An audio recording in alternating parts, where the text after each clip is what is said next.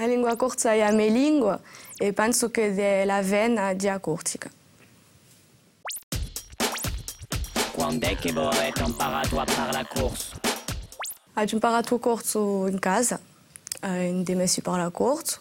Ho imparato primo francese, dunque quando sono venuta a scuola non parlavo mica francese. Ho imparato francese a scuola. Quando la dublate a lingua corsa?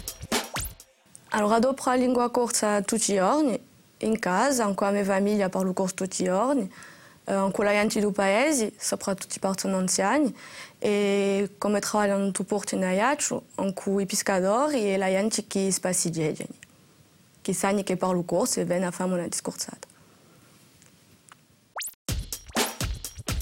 Chi rappresenta per voi la lingua corsa?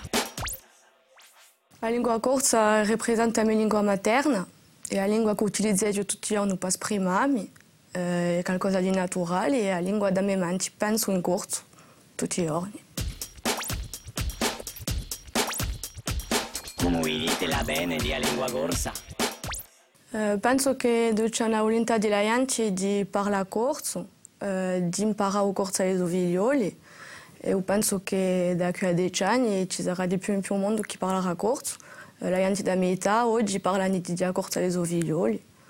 Dunque c'è la sparisce.